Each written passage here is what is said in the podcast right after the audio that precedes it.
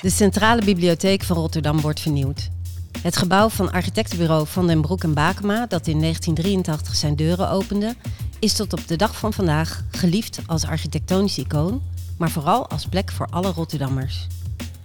De komende jaren zal de Centrale Bibliotheek worden klaargemaakt voor de toekomst, met ruimte voor veranderende functies en gebruik en in overeenstemming met hedendaagse en toekomstige eisen op het gebied van energiegebruik, groen en toegankelijkheid. Ook het publiek krijgt de kans om mee te praten en wensen en ideeën voor de nieuwe bibliotheek te delen. Het was input voor de beoordelingscommissie met deskundigen op het gebied van architectuur, cultuurhistorie, management en de toekomst van de bibliotheek als publieke instelling. In deze podcast werpen we een licht op de Centrale Bibliotheek op weg naar een nieuwe toekomst. Dit is deel 2, de toekomst van de bibliotheek, de bibliotheek van de toekomst. De Centrale Bibliotheek was bij de opening in 1983 de grootste openbare bibliotheek van West-Europa. Een vrij toegankelijk gebouw waar mensen veel meer konden vinden dan alleen boeken. Na bijna 40 jaar van intensief gebruik zijn de technische installaties aan vervanging toe en vragen ook logistiek en inrichting om een grondige herziening. De gemeente Rotterdam en de Bibliotheek Rotterdam sloegen de handen ineen voor een prijsvraagtraject voor de nieuwe bibliotheek.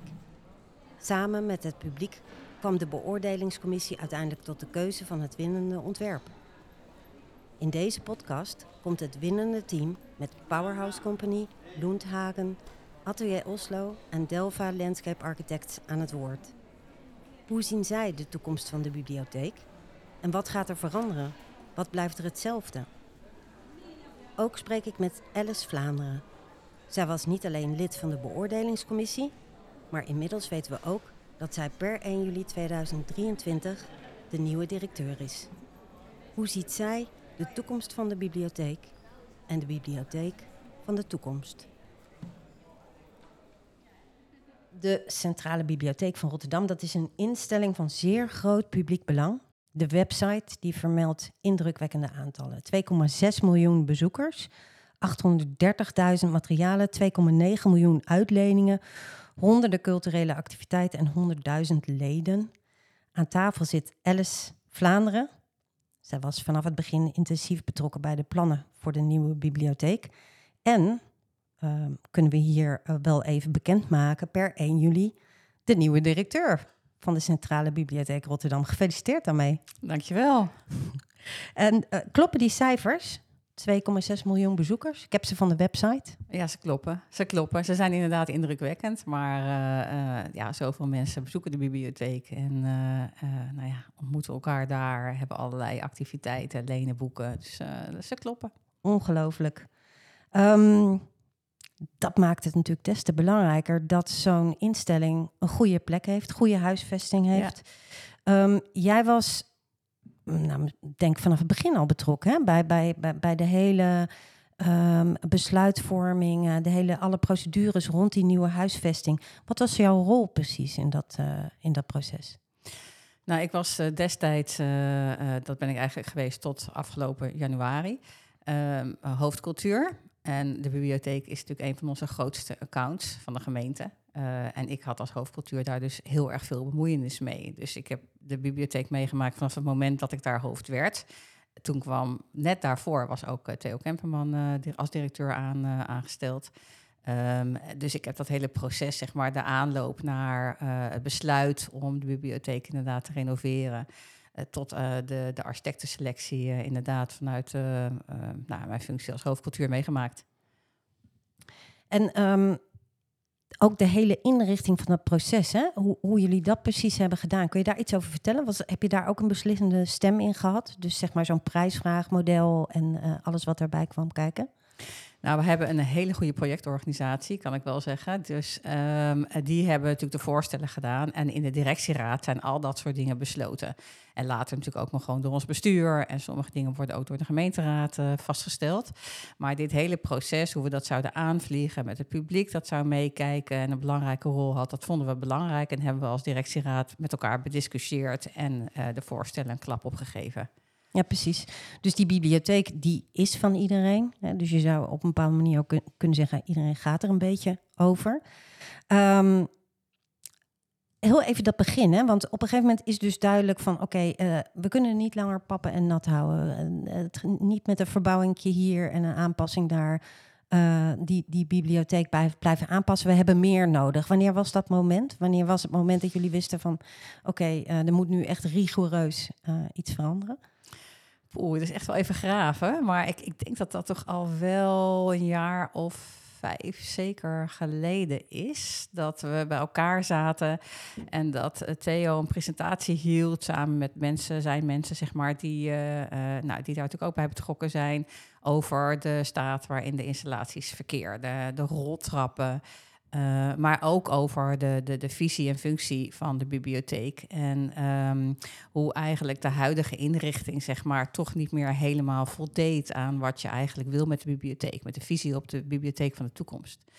En uh, die gesprekken zijn we toen aangegaan. En toen zijn we gaan onderzoeken: oké, wat, wat, zou, wat zou dan mogelijk zijn? Hè? Ga je nu alleen de roltrappen vernieuwen? Wil je de plint? Wil je daar iets mee? De plint, dat was eigenlijk een, een, een doorn in het oog van velen. Hè? Met al die fietsers, fiets, fietsen die daar allemaal staan. En het is een enorm zooitje. Het is heel ontoegankelijk. Uh, dus we hebben wel gekeken naar: uh, moeten we nou een totale vernieuwing van de bibliotheek? Um, voorstellen. Dat kost ook echt heel veel geld. Of kunnen we gewoon onderdelen vervangen en, en, en volstaat dat dan? En eigenlijk in, in dat gesprek tussen gemeente, bibliotheek, vooral ja, uh, ontstond op een gegeven moment het idee: nee, die hele bibliotheek moet eigenlijk gewoon gerenoveerd worden. En toen is natuurlijk ook wel onderzocht of dat dan op de huidige plek zou zijn. Of dat je een renovatie kost veel geld, wat ik net zei. Of dat je misschien gewoon een, een totaal nieuwe bibliotheek zou moeten willen bouwen. Ja, precies. Dus op een gegeven moment hebben jullie bedacht van oké, okay, uh, dit moeten we echt uh, structureel rigoureus gaan ja. aanpakken. En is er dus ook sprake van geweest, ook in de prijsvraag nog, als ik me goed herinner. Kom met een nieuw voorstel, je mag het gebouw ook slopen. Nee, in de prijsvraag is dat niet zo gegaan. In de prijsvraag is volgens mij, als ik het me herinner, um, is wel uitgegaan van behoud van de huidige bibliotheek. En ook van de constructie, omdat het toch een soort, ja, het is gewoon een prachtig monument. En we wilden eigenlijk die uitstraling wel behouden. Uh, maar in de periode daarvoor hebben we inderdaad wel onderzocht of een, een, een, een nieuwbouw op dezelfde plek of op een andere plek of een ander gebouw wat je kon ombouwen tot een bibliotheek, of dat tot de mogelijkheden behoorde. Dus je hebt verschillende fases in zo'n project. En in die verkennende fase hebben we al die mogelijkheden wel onderzocht. En ook, ja, nou ja, goed, er zijn best wel concrete voorstellen langs, langsgekomen. Ja, dus dat, dat lag aan het begin nog helemaal open. Ja. Hè? De, ja. We kunnen alle kanten op. Laten we nou eens Ja. eerlijk en goed kijken wat, waar de stad mee gediend is. Heb je zelf eigenlijk iets met dat gebouw? Je bent eh, directeur eh, eh, per 1 juli. Het is het gebouw waar jij over gaat Ja. eh, straks. Ja, nou, ehm, nou moet ik natuurlijk, het is eigenlijk een gewetensvraag die je me Mhm. nu stelt. Ja. Dus eh, ik, ik, heb, ik vond dat gebouw aanvankelijk nooit zo mooi. Als, als burger van de stad vond ik dat een beetje een apart. Ik, het deed me aan Sandra Pompidou denken. Dat vind ik ook een lelijk gebouw. Niet ook, maar vind ik niet zo'n mooi gebouw. En ik vond de bibliotheek ook nooit zo'n mooi gebouw. Maar ik ben daar heel erg van gaan houden. Omdat ik natuurlijk die bibliotheek leerde kennen. Ik ben die functie enorm gaan waarderen. Wat ze doet voor de stad ben ik enorm gaan waarderen. En het lijkt wel alsof dan zo'n gebouw zich aan dat beeld aanpast. En eh, vanzelf, ehm, eh, nou ja, in mijn hoofd eh, veel mooier is, is geworden. En zeker, moet ik zeggen, de, de renovatie zoals je dus nu is voorgesteld. Ja, dan, dan, dan wordt het echt een plaatje. Dat weet ik zeker. Ja, precies. Nou, soms is het ook zo, ik weet niet of je dat herkent, maar soms hou je van lelijke dingen het meest. Dat is ook zo, ja. Die, die worden dierbaar. Ja, zo Ehm, hou je ook van Rotterdam, toch? Eh, nou, ik wilde het niet zeggen, maar eh, en inmiddels Ja. gaat het ook niet meer op, Nee, echt op. nee, maar vroeger was dat natuurlijk wel zo. Ehm, er worden dus eh, op een gegeven moment wordt zo'n knoop doorgehakt, er wordt een proces ingericht. Ehm, welke partijen waren daar nou precies bij betrokken? Je noemde de gemeente, Ja. eh, de bibliotheek zelf, eh, Ja. nog andere partijen die. ja, twee architecten, landschapsarchitect was erbij betrokken. Mensen die vooral van de inrichting verstand hebben, dus wat externe partijen. Ehm, dus we hebben echt een, een mooi gemeleerd gezelschap gehad die ook, ik had dat eigenlijk niet zo verwacht aan de voorkant, maar die ook stevig met elkaar discussie heeft gevoerd over allerlei onderdelen van, uh, nou, van die voorstellen natuurlijk. Dus dat was Ehm, ik, ik vond het, ik heb, er waren drie hele dagen. Het was echt een hele bijzondere tijd. Want je hebt het nu over de beoordelingscommissie, ja. Ja. ja. ik was, ik was nog oh, even bij het programma van IJs. Oh, programma van IJs, oké. Excuus. Die pakken we nog even. Dus, dus op een gegeven moment hebben jullie het programma van IJs uh, moeten opstellen. Hè? Dus je hebt bedacht van, oké, dat, dat gebouw moet er komen. Maar wat voor gebouw dan precies? Waar moet het aan voldoen? Ja. Als het niet aan de huidige eisen uh, voldoet, het gebouw zoals het er nu staat, wat zijn die wat zijn die huidige eisen dan? Die eisen van de toekomst. Daar hoort een programma van eisen bij, hè, zodat je zo'n prijsvraag uh, goed kunt opzetten. Wie, wie heeft dat gemaakt? Ja, dat is natuurlijk in samenstelling uh, met, of in, in, ja, in samenwerking tussen gemeente en, en bibliotheek vooral gemaakt. En natuurlijk wel met, met, met kennis van, van architecten, hè, dus dat, dat, dat, heb je nodig. Uh, maar het programma van IJzer wordt natuurlijk vooral gebaseerd op wat, wat, wil je eigenlijk met dat gebouw. En dat gaat heel erg over visie. Nou, wat ik al zei, bibliotheek van de toekomst. Hoe ziet de gemeente dat? Hoe ziet de bibliotheek dat zelf? Daar waren we het ontzettend over eens. Overigens, dat is ook mooi dat je natuurlijk elke vier jaar met elkaar dat beleid uh, maakt en, en, en vaststelt. Um, dus het waren vooral die twee partijen die daar wel een, uh, een hoofdrol in hebben gespeeld. Precies. En op een gegeven moment dan schrijf je zo'n prijsvraag uit. Um, en moeten natuurlijk de inzendingen worden beoordeeld. Daar heb je een beoordelingscommissie uh, voor nodig. En, en, en hoe hadden jullie die uh, samengesteld? Hoe zorgde je nou dat, dat, hè, dat alles wat, wat, wat, wat ingediend werd voor die prijsvraag um, goed uh, kon worden bekeken, goed kon worden beoordeeld. Van voldoet het nou echt aan wat we, aan wat we zoeken? Ja. Ja, dat waren de partijen die ik net beschreef. Hè. Dus, dus dat waren die externe uh, uh, architectenpartijen, uh, landschapsarchitect zaten erbij, de gemeente zat erbij, meerdere afdelingen. Dus de afdeling vastgoed en afdeling cultuur. Um, nou, uiteraard had de projectorganisatie heeft die samengesteld. Natuurlijk wel een samenspraak met de directieraad. En um, ja, wat ik al zei, het was een hele, een hele mooie uh, beoordelingscommissie, heel veelzijdig. En uh, ik was zelf een beetje bang dat ik onvoldoende expertise zou hebben om, dat, om al die aanvragen goed te kunnen beoordelen, van die voorstellen goed te kunnen beoordelen. Maar in de discussie kwam ieders expertise eigenlijk toch wel heel goed tot zijn recht. En werd juist de afweging tussen bijvoorbeeld uh, nou ja, meer culturele aspecten en, en meer um, esthetisch of bouwkundige aspecten en in die afweging werd in die groep eigenlijk uh, uh, nou ja, heel mooi gemaakt. Precies, dus dat was echt een balans zeg maar, tussen die verschillende expertises die ja. jullie hadden gebundeld. Ja. Um, ook, um, nou, we noemden het net al even, hè? iedereen gaat eigenlijk over die bibliotheek, want de bibliotheek is van iedereen, zou je kunnen zeggen. Hoe, welke plek had de burger in dit, uh, in dit proces? Nou, de burger is natuurlijk ook uitgebreid bevraagd. Hè? Dus uh, met allerlei stadsgesprekken zijn er geweest. Maar er was ook een mooie tentoonstelling in de bibliotheek. En uh, het was heel leuk toen die geopend werd. Dat tegelijk allerlei mensen, maar ik denk ook architecten, gingen kijken hoe dat, er, hoe dat eruit zag. En die burger is, die beoordeling, die kregen wij zeg maar mee um, als houvast bij onze eigen beoordeling. Dus ik heb alle inzendingen zeg maar bekeken en, en moeten beoordelen op allerlei aspecten. Dat was op zich al dagen werk, moet ik zeggen. Want dat, was, dat wordt heel nauwkeurig voorbereid. Heel nauwkeurig op basis van het PVE wordt natuurlijk voor de beoordelingscriteria geformuleerd. Precies, ja. En, um, en uh, ik heb steeds gekeken, wat is mijn oordeel en hoe oordeelt de burger daarover? Om ook weer te kunnen nou ja, voor mezelf te kunnen beredeneren waar mijn oordeel op gebaseerd was. Of ook dat andere perspectief, zeg maar, toe te laten.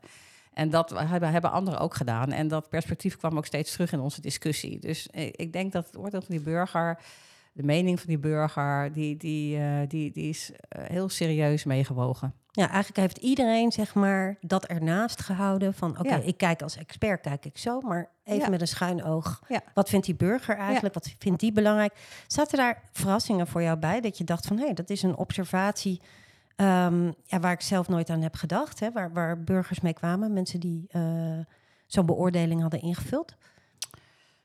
Nee, nee, niet echt verrassend. Nee, nee wel meer. Um, nou, eigenlijk meer wat je ook zou denken. Hè? Dus veel burgers gaan toch een beetje voor het uiterlijk van zo'n gebouw. En daar zaten één of twee inzendingen bij die heel, bijzondere, die heel bijzonder waren, zeg maar, architectonisch. En um, nou ja, die scoorden om die reden wel hoger. Meer dan dat ik had verwacht eigenlijk nog wel. Dus uh, uh, ja, je zou denken dat er ook heel erg naar de functie werd gekeken. Dat vond ik minder tot uitdrukking komen in die beoordelingen. Ja, dat is misschien ook iets waarvan mensen denken, ja, dat is vanzelfsprekend. Dat, dat een bibliotheek dat kan. Denk ik. En die wilde gewoon een mooie Rotterdamse icoon erbij misschien. Ik denk het wel. Ik denk dat er heel erg zo gekeken is. Je zag het echt terug zo, ja. Blijft toch Rotterdammers, hè? Ja, zo is dat. um, even kijken hoor. De, uh, vanaf 1 juli ben je dus directeur. Uh, was het nou zo, want je begon aan dit proces, toen was jij hoofd uh, cultuur bij de gemeente. Ja. Ben, ben je steeds enthousiaster geworden? Hoe is dat, uh, hoe is dat in zijn werk gegaan? Nou, ik, um, ik had al een tijdje geleden tegen Theo Kemperman, de huidige directeur, gezegd: Als jij nou een beetje met vervroegd pensioen gaat, dan kan ik jouw baan nemen. Oh, zo? ja. dat was een grapje. Wij kennen elkaar best wel goed. Um, het was uiteraard een grapje. Maar ik, ik, ik, ik ben gaandeweg uh, de periode dat ik hoofd, ben ik wel steeds verliefder geworden op de bibliotheek. Zowel op die functie, wat ik net vertelde, maar ook op dat, op dat prachtige gebouw.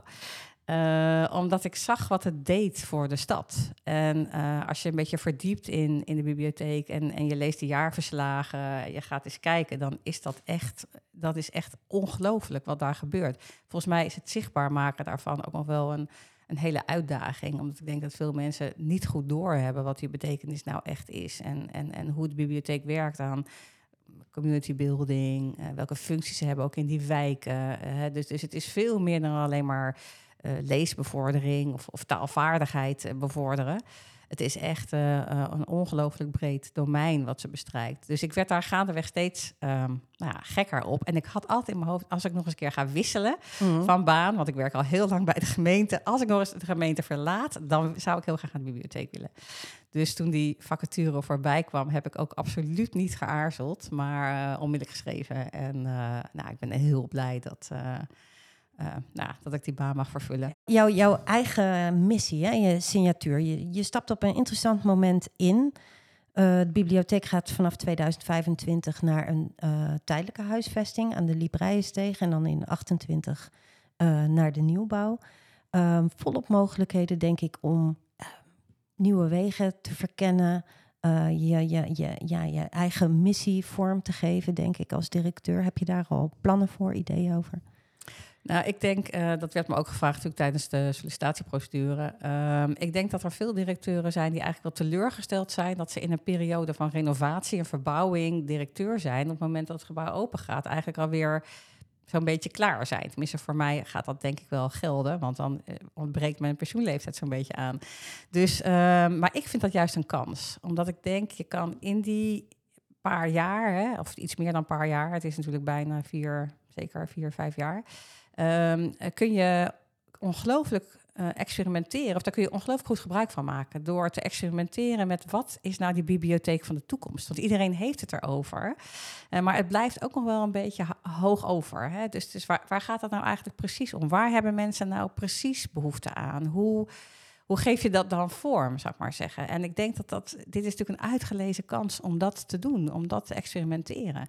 Dus ik ben eigenlijk heel blij dat ik juist in deze periode ben, ben ingestapt. En dan, en dan loop je daar straks rond. Hè? Uh, uh, nou, nog even in de oude locatie en straks dus uh, in de, in de tijdelijke locatie zien mensen jou. Mogen ze je dan aanspreken als ze nieuwe ideeën, goede nieuwe ideeën hebben voor de bibliotheek? Zeker, zeker. Ik, vind dat heel, ik vond dat al en toen als hoofdcultuur heel belangrijk dat mensen me weten te vinden. En dat ik laagdrempelig ben. En dat vind ik als directeur van de bibliotheek ook.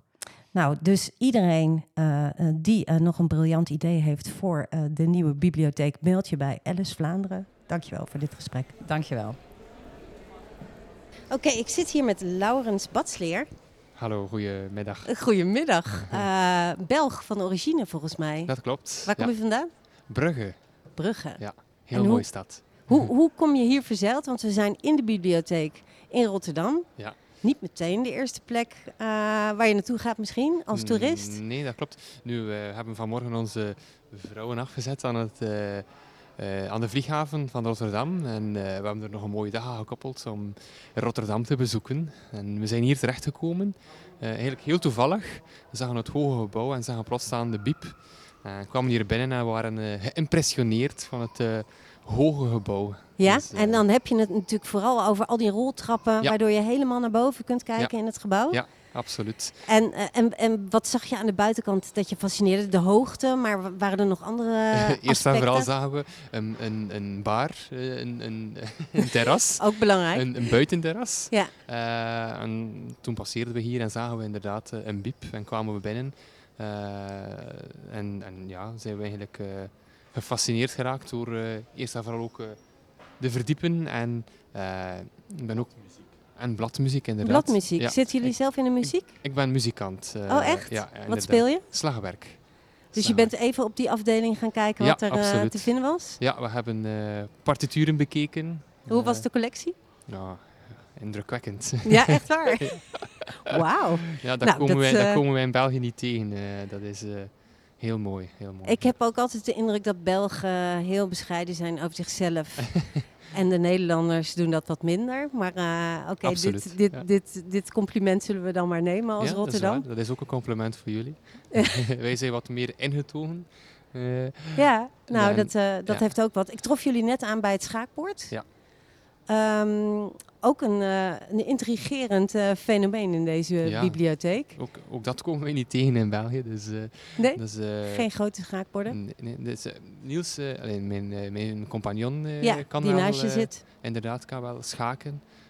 maar ik kan dat niet. Dus hij heeft mij wat uitleg gegeven daaromtrent. Het is wel leuk om wegwijs te geraken doorheen de, de regels in het schaken de dag wordt steeds leuker in de bibliotheek. ja, ja. nooit gedacht dat we er al zo lang gingen zitten.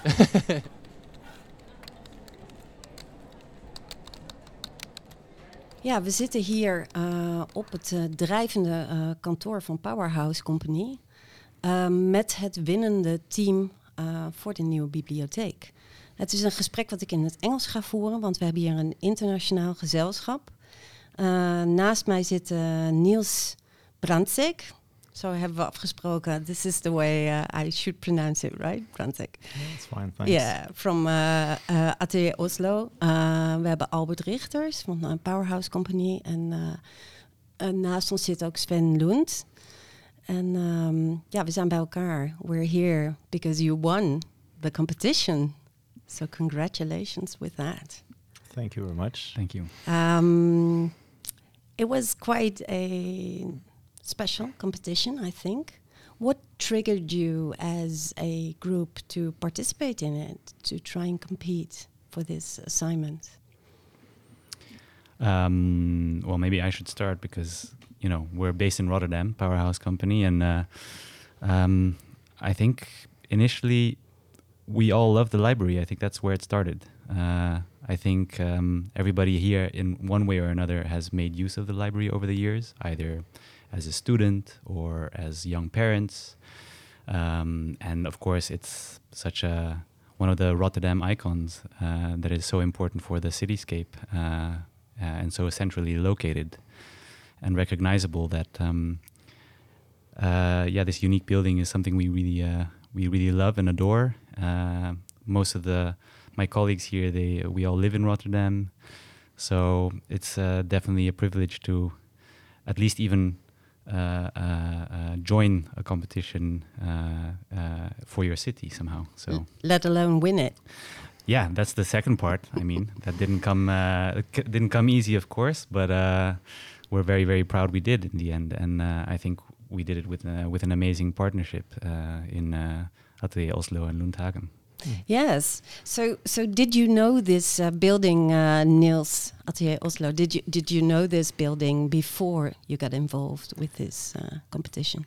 Actually, we did because um, um, we we just or two years ago the Deichmann Library opened in Oslo, which we have been working with Lundhagen for for uh, since the competition was won in 2009. So it's been a really long project to work on. And I remember um, a few years after we won that competition, we actually went with all the li librarians. We went to the Netherlands. Uh, that was their choice of destination for looking at how libraries, public libraries, were working at that time, and we, so we saw a lot of different libraries in um, in the Netherlands. And I remember very well we came to the Rotterdam Library.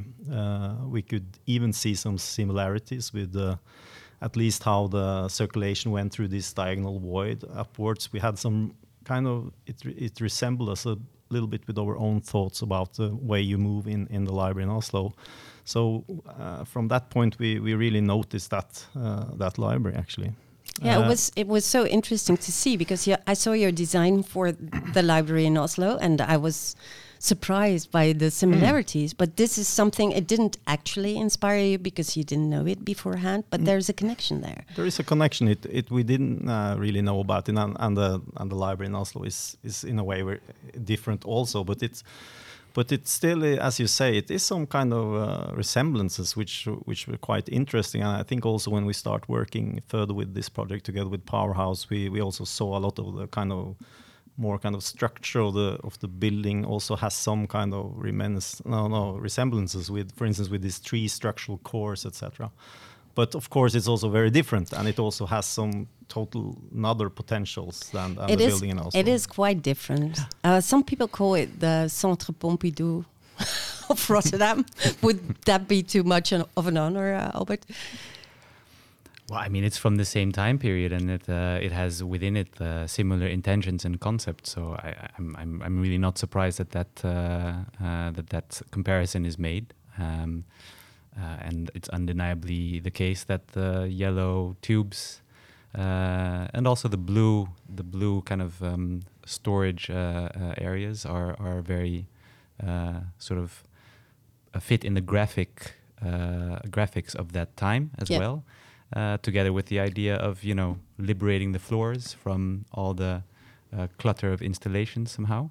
That's definitely part of the concept that we uh, uh, that we kind of uncovered as Right. we uh, started working on the library. Yeah. So, talking about libraries, you're you're you're mentioning this liberating of the floors. Uh, um, uh, the use of libraries has changed over over the years. Uh, we know this. Um, what do the two of you think is um, the function of the library in the 21st century? How would you compare that to the storage of books that it used to be? Um, I mean, as you, we have seen in in uh, in Oslo, uh, it's it's really been changing, as you say, from this storage of books into kind of a meeting place for people. Uh, people come there to work, to meet, to sleep, to to do all kind of things. You, you, To sleep, yeah.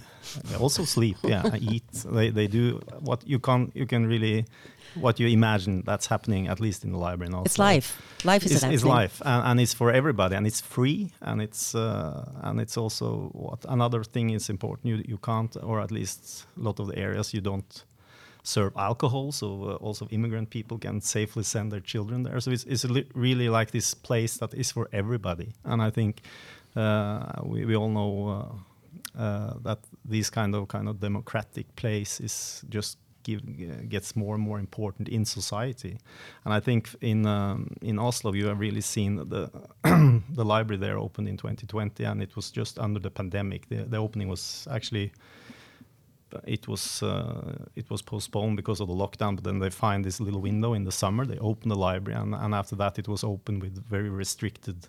Uh, visitor numbers, of course, but still the municipality really tried to keep that building open it was it was just a few weeks it was closed so it was really one of the most kind of um, important places to keep open I like that the urban living room Hmm. uh, where you can feel at home but be outside. Um, Albert, uh, the qualities of the existing building by Van der Broek and Bakema. Um, I mean, it's obvious. It's it's a very impressive building. Uh, it has written history as the first or the biggest, I think, in Europe or maybe worldwide that was actually newly built for this function. Um, what are which would you uh, mention as the main qualities that you took for your new design? Which are the, the, the, the firmest, the biggest qualities of the existing building? Um, well, researching their initial uh, concepts, I mean, we, we, we dove into the archives here in the New Institute, for instance, and we, we found amazing hand drawings uh, that were not easily uh, findable online or on the documentation we received originally. And I think what we what we see in those initial sketches even um, is this idea of the continuation of the city uh, into the library. Huh. Uh, that was a, always a very important element uh, and, and sort of idea that they wanted to bring into the library. Um, um, over the years, of course, because of you know uh, growth in, in the amount of uh, visitors uh, and some changes uh, done to the entrances, um, these ideas maybe got muddled up a bit, but you still find them in the general structure of the building. Uh, this idea where all the floors kind of work as different plazas, let's say. Uh, it's also mentioned in some texts by them uh, f- uh, during their uh, competition um, proposals. Um, and so these are quite interesting starting points. And if we think about how it is placed in the city, uh, you mentioned that you were there at uh, an excursion, um, um, or Niels. Sorry. um, uh, ho- what what was your impression of that? Because it's it's lying there at the the border of the market square, Mm. surrounded by buildings. Yes, I mean it has this very central location, of course, and, and I think the, um, I mean the first thing when you come there now is that you see that the building is really is really kind of blocked. So you you have these very narrow entrance points, and you have, of course, all these bikes that really creates a barrier. But when you enter this interior plaza, you, f- you feel kind of a bit disconnected to the city. So I think, as Albert say, how could you really kind of re invent this idea about the connection to the city has been really Yeah. important. And, and and one thing is, of course, to, to get away um, all the barriers, but it's also the, that we reorganize how you enter the building. We, we introduce new kind of entrances to try to connect it to all sides, not only this one side on the corner. So by having introducing new entrances, which which of course uh, uh, make you approach the building from different sides, but it also g- gets a kind of more close connection to the heart of the building. So when you are inside the library plaza, you feel you're just like an extension of the urban uh, space around. And I think also this idea about uh, that you can connect also to this backside to activate that will be very important also for the further development of the project. Right. right. Yeah, you see, for instance, that the backside, um, backside sort of uh, s- started to get smaller as the project had to be uh, made. Uh, initially, the building was actually um, a little bit more f- further placed a bit further away than uh, where the cube houses are now. So there was actually more space, but due to urban planning from that time, Yeah. the building kind of got pushed back, and then this kind of uh, Rijstuin area, as they call it, uh, sort At of the back became of the uh, at the back library, right? became narrower and narrower and be- started to become a backspace. Mm. Um, So so tr- also there we are trying to re uh, revisit that and reopen that, uh, Mm. not only in terms of the public space around it, but also from within the building by Mm. Creating this second uh, atrium on the back. Mm, Because by opening up to all sides, you can also suddenly you can start walking through the library. If Yeah. you, you go, so it, Yeah. it, it becomes like a, a part of the kind of. Uh, The tissue, the Yeah. continuing Exactly. tissue of the uh, Yeah. of the of the city. mm. And it's really about that for a library, I think, to kind of really invite people in and Mm. to get them curious, and then maybe they want to start explore things. And after they've done that, suddenly they maybe bring a book or whatever. But It uh, feels like mm. we're back in the 80s again. so at our table now is uh, Sven Lund. You're also um, a member of the uh, design team, Yes, from Lund Hagem Architects. right? And um, what was it like for you participating for this uh, competition? I mean, Um, of course, it was uh, a very interesting thing to do because we could use what we have learned by doing the Deichmann Library in Oslo. mhm. And uh, I think we have been looking forward to a possibility to do something abroad. So when we were um, asked by Powerhouse to participate, we, we said yes yes, because this was a, a very good chance. it was And we knew new Rotterdam chance. and we had been in Rotterdam Yeah. and we knew the building. So, yes, it was a very interesting task. So you just had this experience of working on a new library for Oslo, and uh, this gave you the opportunity to do something similar for Rotterdam, right? Yeah, there there is quite some similarities, and I think what they did in Oslo was a very very brave and, and good thing. They put the library in the best spot, in the most busiest spot in Oslo, uh, just next to the famous opera, and next to the central station. Uh, and in Rotterdam, it's also a very central space, next to the market space, and this has resulted in Oslo that it has uh, six times as many visitors. The architectural design of this building, the Mhm. Dijkman Library, Mhm. that came before the work that you're going Mhm. to do now in Rotterdam. Um, in what sense did it make a difference for these huge numbers of new people entering the library? Uh, the old library was a traditional library where you entered and you had to be totally quiet. if you lost a book, there was a noise and everybody looked at you. Oh. The new library, it's for everybody. Mhm. Um, and it, it's, it's not a quiet house anymore. And there is no sort of big reading space. Mhm. The, the, the re, um, it's, it's, it's, it's a lot of reading spaces. I can't really remember how many. I think it, it's People came there to read. yeah, but it's they're all over the house. Or, you or you, talking about the new the, library, the reading right? in the new library. Yeah. Yeah. In the old one, you had big rooms where people were sitting, Yeah. quiet, reading. Mhm. In a new one, they can hide and they can find new spaces, and, and there's a lot of variety Right. where you can go. Right. And and the house is sort of quite busy at the first floor. Mhm.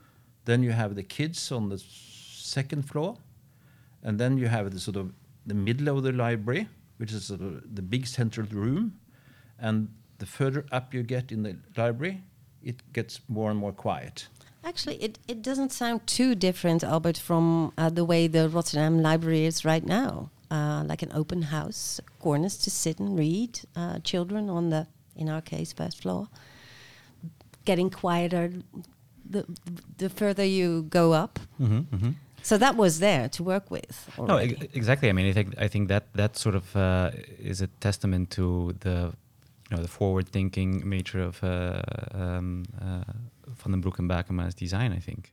So there's many examples of, of, of really good libraries be being built right now. Uh, we're not getting into that, but there's some Dutch examples like the Lokaal, for Mhm. example, and the Forum in Groningen Yeah. that sort of reinventing this type of public building. I'm really curious to know more about the design, and you brought some drawings on screen that we maybe uh, uh, can have a look at right now. Yeah, let me pull them up. Yes. So you're actually really working with the existing structure, right, Sven? That's or are there big changes? Uh, there is an addition, uh, addition at the back, which Yeah. is totally new. Yeah. But the the concrete structure of the existing house is kept. But I think the building gonna be sort of taken down to the concrete, and you're gonna start all over again. Right. So it will actually be technically technically a new building, but with the old structure. Right. So so we're seeing an image here, uh, Albert, uh, which is um, behind the uh, glass waterfall. The thing that is called the glass waterfall, which Yeah. is the facade on the front of the library, Yeah. um, and and the entrance hall. And maybe you can describe uh, what you did, what you're proposing there in the new design. Well, what you see, for instance, in these images is um, you see this existing structure, and you see also how characteristic it is to the building. I, I mean, I was just talking about it regarding the Van, B- Van den Broek and Bakema uh, rep, uh, sort of uh, uh, reputation, where they have this robustness to them, and that's Yeah. something that really comes forward in the interiors. And it's such a sort of like defining element in the interior that we kind of use that to uh, open up certain floors to make sure that the light comes in deeper. Uh, and we also utilize it to create this sort of central hall in the middle that is accessible uh, from the four actually the four facades. Yeah, Uh, because that that's going to be quite a difference. Because now there Yeah. is a main entrance, there is a bar or a cafe Mhm. on the side, and that's basically it. That, those are the ways you enter. Yeah. And the new design, there is four different uh, places where you could enter the, the library building, right? You could say two main entrances, one from the, the Binnenrotte Market, one from the Hoofdstraat. But Mhm. then there is like uh, two other sort of main entrances. One is maybe more for the back back of house uh, employees, personnel. They deserve a grand and good entrance as well. Uh, but th- the main intention is actually not so much the entrances. It's actually that you can take shortcuts through the building and then Yeah. find yourself in the heart of the library, as uh, Niels just uh, uh, explained. And then from there you find this world, let's say. Yeah. Um, Yeah. Yeah. So that's what the central hall does, and in order to make that into a inspiring space, we we needed to open up some floors in between the existing structure to Right. uh, Mm. get in light. Because right now it's it's not all that light, huh? The uh, entrance hall, and you have to go all the way to the back to to go on a, an elevator. Uh, this looks quite different. Uh, uh, Sven, maybe you can explain a bit more about this? yeah, I think this. about the entrance is quite interesting because in Oslo we have three entrances, and it really connects the different parts of the city. So if you come from the west, you take the west entrance, and there is a east entrance and a south entrance, Mhm. and they are really quite equal. Yeah. And it that feels very different than the old library, which had one grand big staircase going Yeah, up. a threshold. Go in a door. Yeah. And and it's it's a totally different feeling. Yeah. Okay. Can we can we see some other images, uh, Albert? Maybe. Yeah. So um, I think yeah. So here you see, for instance, this uh, this entrance. But I think what you also see is that we are working with um, uh, opening up, actually, what essentially is sort of the back wall. We're looking at an Um, interior image. Yeah. Um, so this is one of the floors, right? Yeah. And normally there would be daylight, um, but but you changed something in this structure, right? Can you explain this? Well, there was a very clear front and back of the library. So Mhm. you have the front that kind of surrounds this waterfall atrium with the iconic escalators, uh, and then there's kind of the back that was actually more the storage areas uh, in in most of the floors, not all of them, but most of them. And we really wanted to make sure that you can go through the building and that there is no front and back, uh, and that's why we worked around cores uh, that ha- that can grow and shrink according to what has to happen around them. Sometimes you might need uh, music rooms, uh, sometimes, or you might want more open floor plan, and these cores help us adjust to those needs. And then they also allow us to be able to have space in between where there's always a sense of being able to look through the cores to the outdoors, understanding the context around you. It's, a, of course, a very important part of Rotterdam. And that's what we try to achieve, and that's what you sort of see indicated in this image. Mhm. And they also allow for a sort of secondary passage through the library. The es- Right.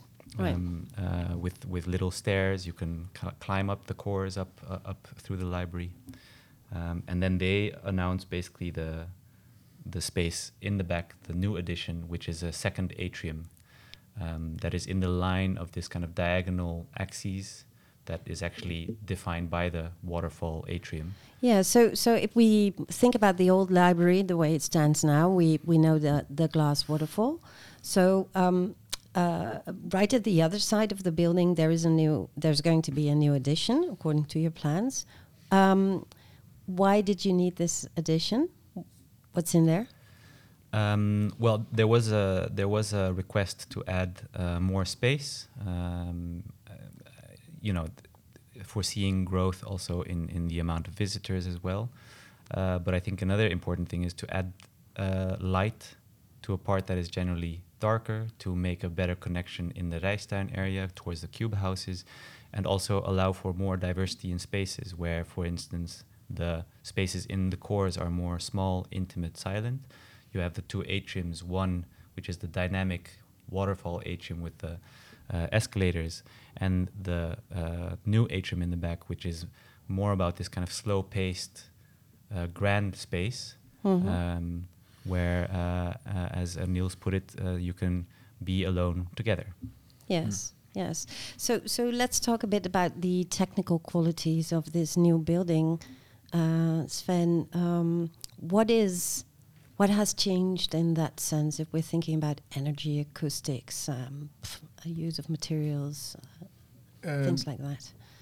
I think one of the one of the things we have worked very much uh, with in Oslo is to when you make a building as open as it is in Oslo, and you have it's not a quiet library anymore.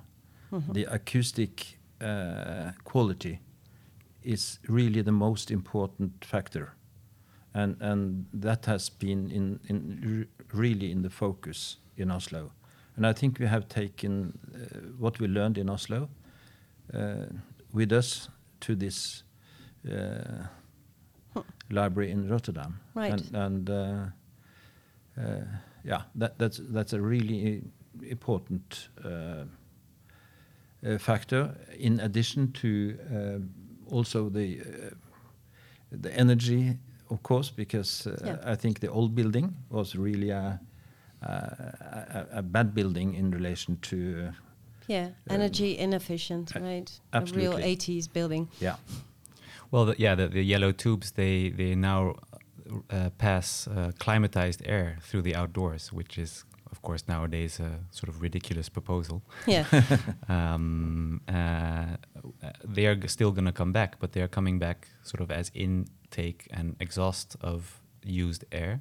yeah. And so we try to keep, of course, all the climate uh, much more controlled now indoors. So it will not just be the decoration uh, of not. the yellow uh, tubes. No, it will no. be of use in Yeah. this new library um, that's going to offer uh, an addition, you could say, to urban space, right? It's, a, it's an addition where everyone feels welcome and where the identity of the old building will be maintained, will be respected.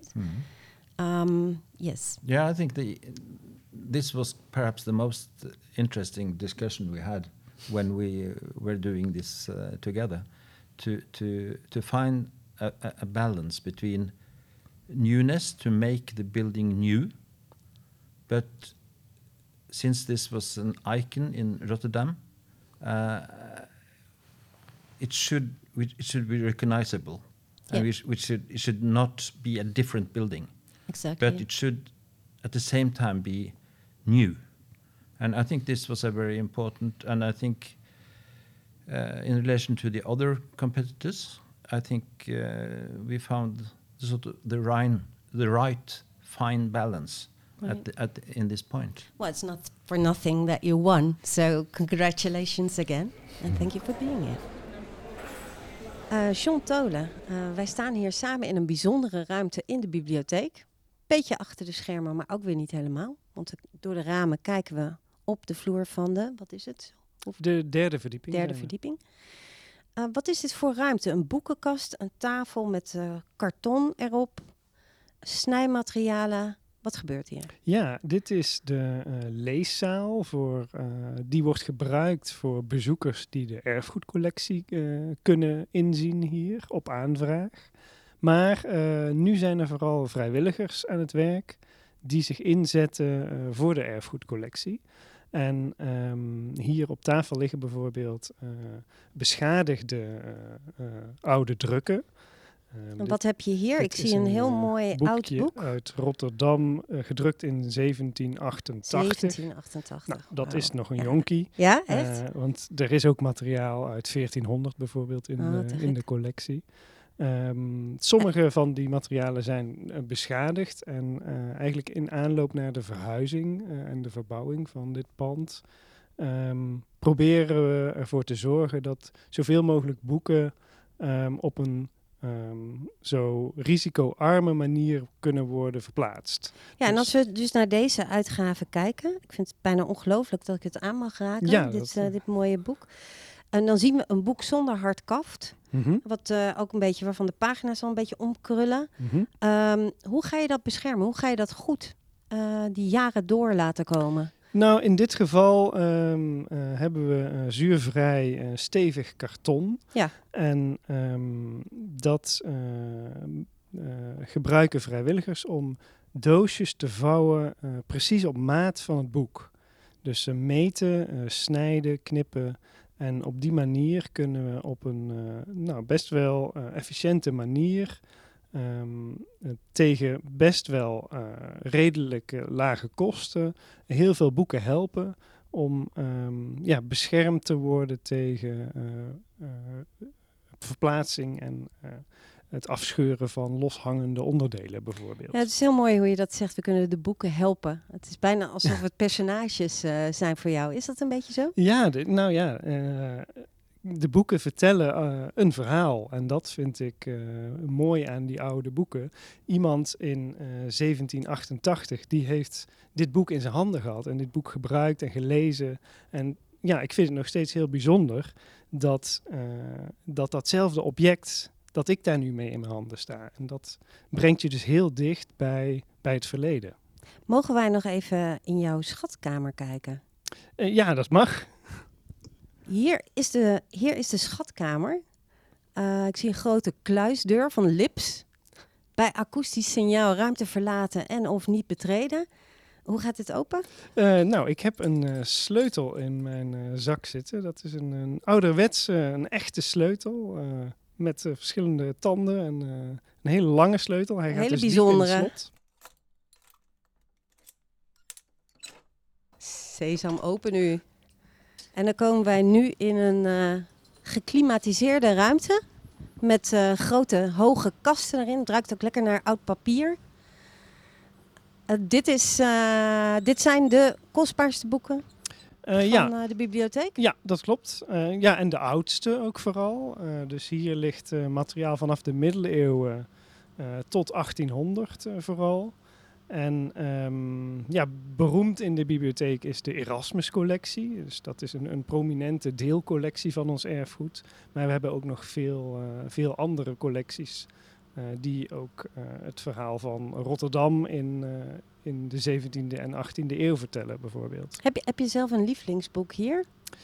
Ehm, ik heb niet één specifiek lievelingsboek, maar lievelingsboeken zijn boeken voor mij die gebruikt zijn. En waaraan je kunt zien dat een lezer in 1700 actief bezig is geweest met het gebruiken van dat boek. Dat zijn dan kapotte boeken en eh, vieze boeken. En die boeken die vertellen het, eh, het mooiste verhaal. En dat zijn niet die luxe exemplaren die er nog heel perfect uitzien. Want die En- hebben altijd in de kast gestaan. En als we dan hier kijken, ik zie hier bijvoorbeeld een plankje met eh, ja, hele grappige kleine boekjes die er best wel oud uitzien met mooie leren banden. Het lijkt wel alsof ze nou ja, ergens op een vochtige zolder hebben gelegen.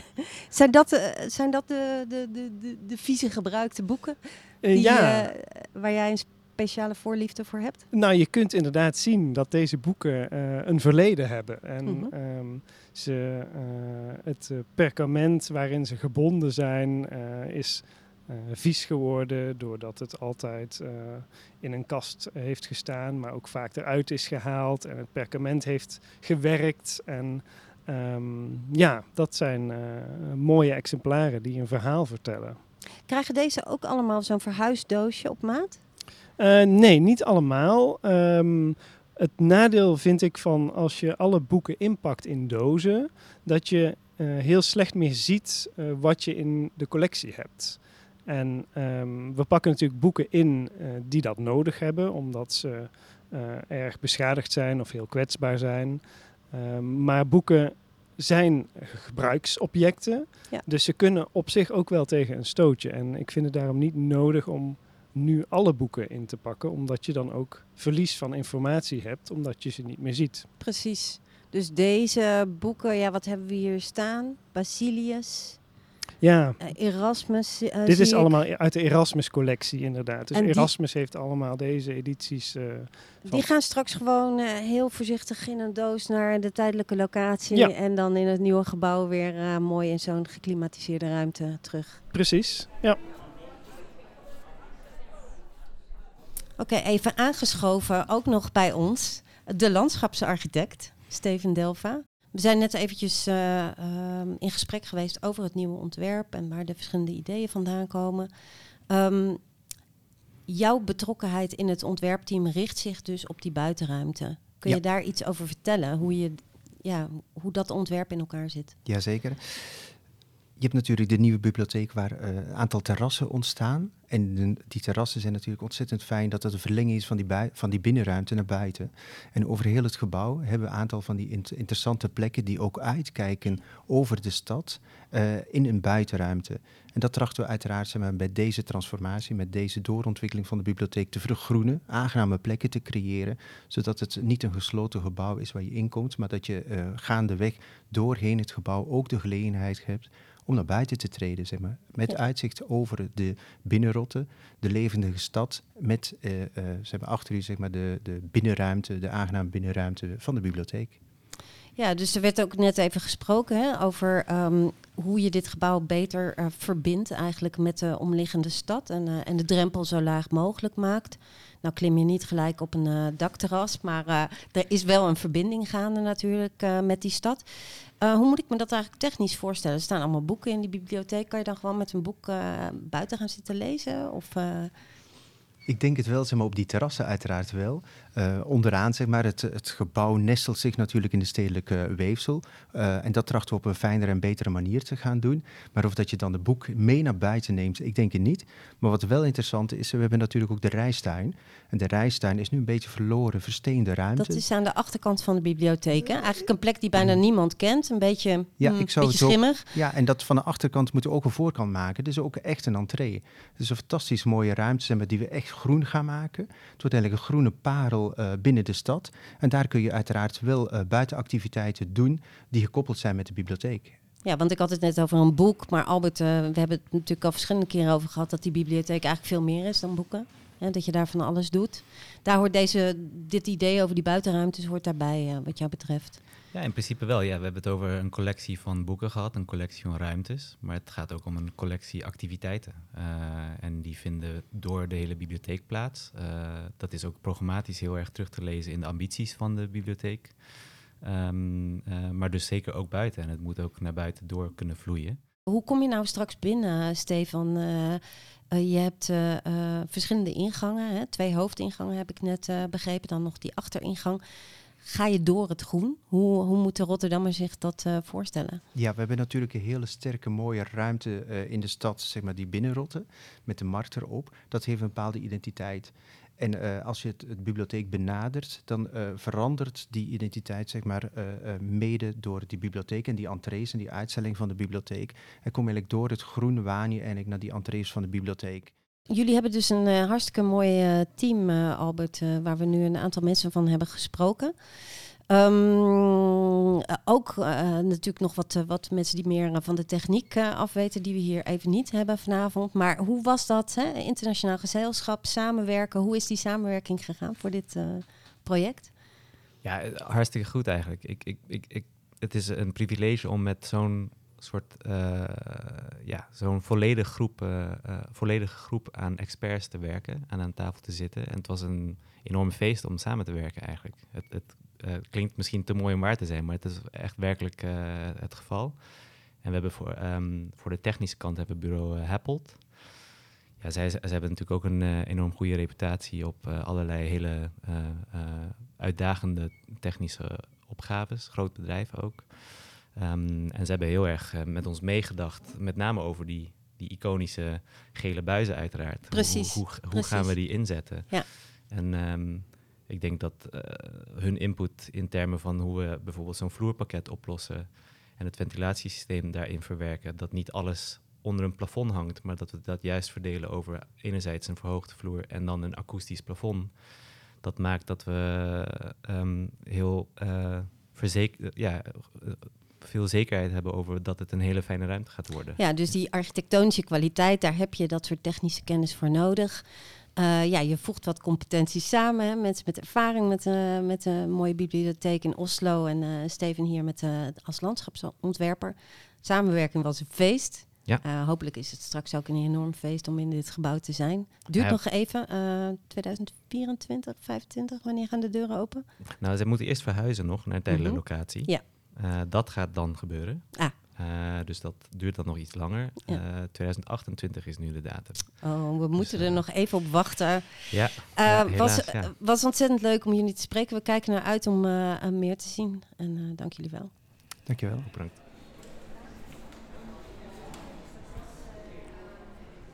Ehm, we zitten hier eh, in het eh, taalcafé met Emel Kam. Hallo. Hallo. Jij komt hier eh, wekelijks? Iedere week eh, drie keer kom ik hier. Maandag, dinsdag en woensdag. Oh, echt? Dus drie keer per week kom jij hier met een aantal mensen? Want we, zi- we zitten hier in een grote ruimte met tafels erin waarin, waar groepjes mensen zitten. Die bezig zijn met eh, de Nederlandse taal te leren. Klopt ja, dat? zeker. En hoe is het zo gekomen dat jij hier terecht bent gekomen? Aan deze tafel, met deze mensen? Eh, toevallig ben ik in de bibliotheek gekomen om te Nederlandse grammatica leren. En toevallig, ik heb de groep heb gezien en, eh, en ik heb een beetje informatie gekregen, ook eh, organiseer, eh, voor organisatie. Dus doordat ben ik hier gekomen, ben ik begonnen eigenlijk. Ja, wat leuk. Dus je, Ja, je zag die mensen zitten, je dacht, hé, Ja, hey, die zijn bezig met oefenen. ja, eh, met die taal. Ik, ik ga eens vragen hoe dat werkt. ja, het gaat prima. Ja. En eh, wij leren ook eh, grammatica, mhm. ook andere mensen, cultuur en eh, ook taal. En hoe groot is dat groepje nu waar jij mee aan de slag zit- bent? Meestal wij zitten vijf tafel of vier. En iedere, iedere tafel zitten meestal acht, of, acht of negen mensen. En samen heb je dan een beetje hetzelfde niveau en ga je aan de slag eh, om... Eh, eh, af en toe, als er iemand heeft een laag niveau of hoog niveau, dat hun delen wel andere tafelen, zeg maar. Ja, bepaal eigenlijk die medewerker van taalcafé. Hey, en je vertelde van, oké, je was in Nederland. je komt oorspronkelijk uit Turkije. Ja, klopt. En je kwam in Nederland en je dacht, ik moet die taal gaan leren. Ik ga naar de bibliotheek. Was dat de, wat, was dat de gedachte? Ja, ook. En eh, dat is ook het belangrijkste, is gratis. Mhm, En eh, ik kan wel voor mijzelf eh, ontwikkelen mhm. in de bibliotheek. Ja, precies. Want wij hebben ook heel veel vrijwilligers. Af en toe en, krijg ik ook les van individueel. Dat is ook fijn. Ja, Zou je zeggen dat eh, voor mensen die eh, relatief nieuw zijn in Nederland, hè, die mhm. hier nog niet zo lang zijn, dat de bibliotheek een belangrijke plek is? ja zeker. En zeker. kun je uitleggen waarom dat is? Want eh, hier zit, kan ook een netwerk, bijvoorbeeld. Wij zitten ook heel veel met mensen met andere cultuur. Misschien kan ook eigen taal spreken. Dan kan je voor wel niet alleen zijn. En ook eh, kan in de ruimte, zeg maar, kan je ook eh, verbeteren Nederlands. Eh, want iedereen spreekt niet zo goed Nederlands. Dus hoeft niet te schaam zijn of al ben ik succesvol met de taal of niet, dan vertrouw zelf meer. En wij krijgen ook af en toe opdrachten van de en, vrijwilligers, vertaalbegeleiders, zeg maar. Ja. Ook laag niveau, ook hoog niveau. Dan, dan leer je nog meer. Ja, precies. Dus je Zoals treft op elkaar school hier. eigenlijk. Ja, en het is allemaal, eh, het zijn gewoon vrijwilligers, dus je kunt hier gratis, laagdrempelig terecht. We zitten hier eh, op de eh, eerste verdieping van, van de bibliotheek. Je kijkt zo naar beneden in de hal. En ehm, ja, je treft hier dus mensen, het is gezellig, maar ook handig, want je kan natuurlijk ook nog terecht op de afdelingen waar je een boek kan lenen. Ja, zeker. Achter, achterkant van de taalcafé ook eh, lezen en schrijven eh, boeken. Voor verschillende niveaus en ook verschillende eh, de talen. Dat is ook, ook heel fijn. Na de taalcafé, ook een leescafé, dan eh per groep. Wij gaan ook eh, studeren met de boeken.